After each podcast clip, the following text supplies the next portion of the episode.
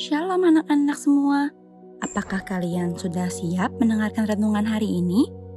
Renungan hari ini berjudul Tuhan yang hebat dari 1 Raja-Raja 18 ayat 20 sampai 45. Anak-anak, apakah kalian pernah menonton film tentang peperangan antara orang jahat melawan orang baik?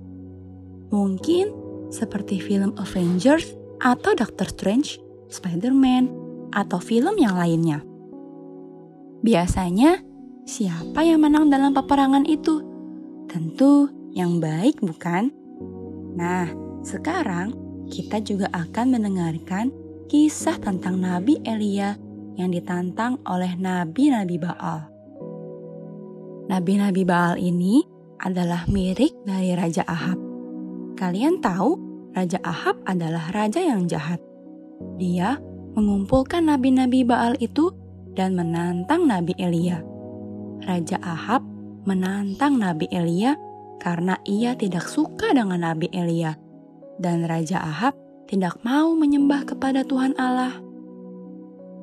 Apa isi tantangannya? Raja Ahab berkata dengan sombong bahwa nabi-nabinya bisa membuat hujan turun sehingga tidak akan terjadi musim kemarau lagi. Padahal kalian tahu, Tuhan sendiri yang berkata bahwa hanya Tuhan yang bisa membuat hujan turun. Tetapi Raja Ahab tidak percaya karena itu ia dengan sombong menantang Nabi Elia yang berarti juga menantang Tuhan. Nabi Elia tidak takut dengan tantangan Raja Ahab Nabi Elia dengan pertolongan Tuhan berani menghadapi 450 orang Nabi Baal. Saat itu, Nabi Baal membuat mesbah persembahan. Mereka berteriak-teriak, menari-nari kepada dewa-dewa mereka supaya hujan turun. Tetapi, apakah hujan turun? Setelah mereka mencoba terus, mencoba terus sampai lelah, hujan tidak juga turun, sehingga akhirnya mereka menyerah.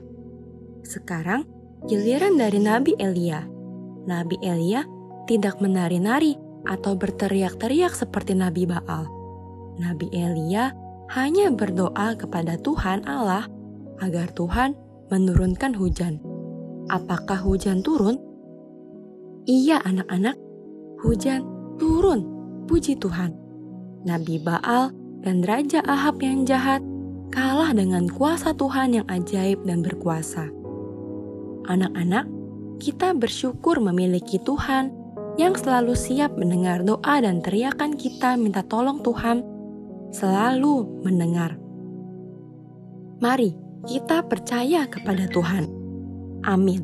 Tuhan Yesus memberkati.